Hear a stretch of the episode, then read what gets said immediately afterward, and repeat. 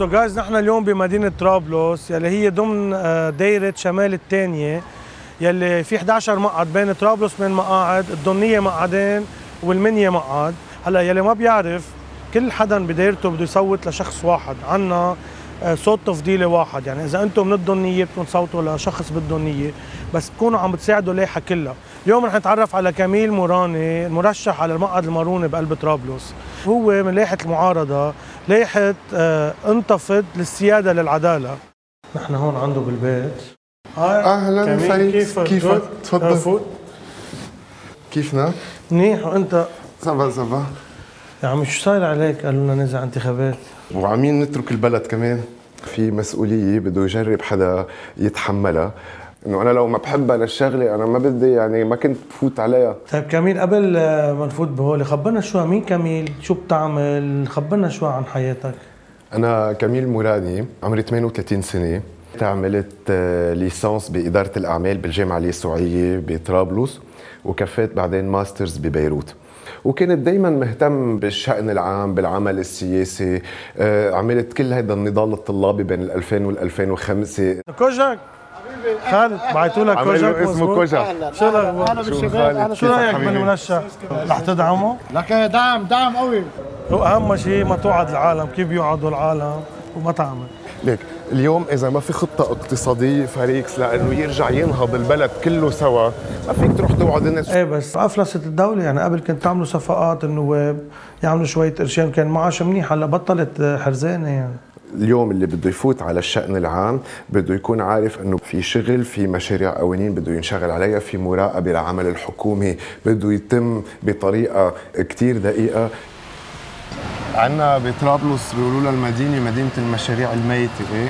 كلهم ببلشوا بالميم وكلها مشاريع واقفة عد شو؟ معي المطار المرفأ المصفاية ال IPC المنطقة الاقتصادية الخاصة معرض رشيد كرامي ومحطة الترين وزيد عليهم الملعب الدولي. المدينة ما بدها استثمارات ضخمة تعمر قصص من الصفر. موجودين بدهم تفعيل بس هالمشاريع الميتة. رح تضلك بهالحماس إذا ربحت نحن هذا بهم إيه رح ضلني بهالحماس. لا اعملهم كميل خبرنا. شو اسمها اللائحة؟ اسمها انتفض للسيادة للعدالة. وهي ملتزمة أولا بسيادة الدولة سيادة مطلقة.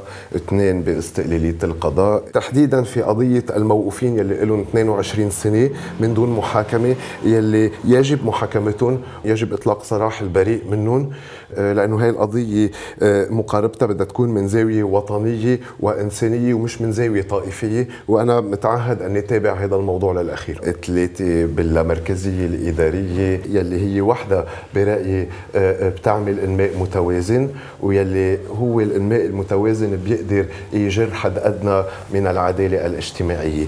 أربعة بمحاربة الفساد. خمسة بالشرعة العالمية لحقوق الإنسان وبمساواة اللبنانيين كلهم سوا قدام القانون بالحقوق والواجبات. هيدا شارع عزمي انشق أيام ال- الانتداب الفرنسي. في شخص كان اسمه أنطون إدي اللي هو على فكرة من الكتلة الوطنية كمان.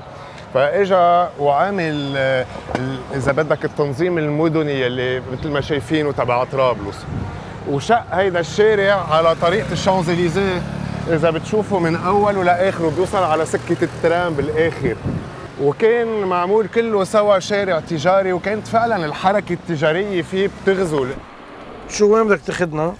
هلأ آخذك من ميلة البحر بدي فرجيك جبل الزبالة. معلم سياحي شو اساسي محمد بكل شوف جبل الزبالة جايز وهيدا جبل الزبالة؟ شو معقول ينعمل له مثلا؟ عندكم خطة للنفايات؟ ليش كل مرة بدنا انه شو حلولكم؟ طب ما هاي الحلول العالمية اليوم بال 2022 في حل لكل شيء. يعني ليش بدنا نرجع نقعد نخترع ونفكر ونعمل؟ حل النفايات فرز من المصدر. بالقبل بيشترونا وبعدين بيرجعوا بيبيعوا بيعوك. وبيشترونا برخيص وبيبيعونا على الغالي. تنزل علم جديدة بعد عن المنظور وعن كابتورة المنيه بيمشي البلد. في مثل احباط ما عند عالم في كتير بيقولوا لنا مش رح تقدروا تغيروا شيء شيء ما بده يصوت شيء مش مآمن بالتغيير. شو بدك تقول لهول العالم؟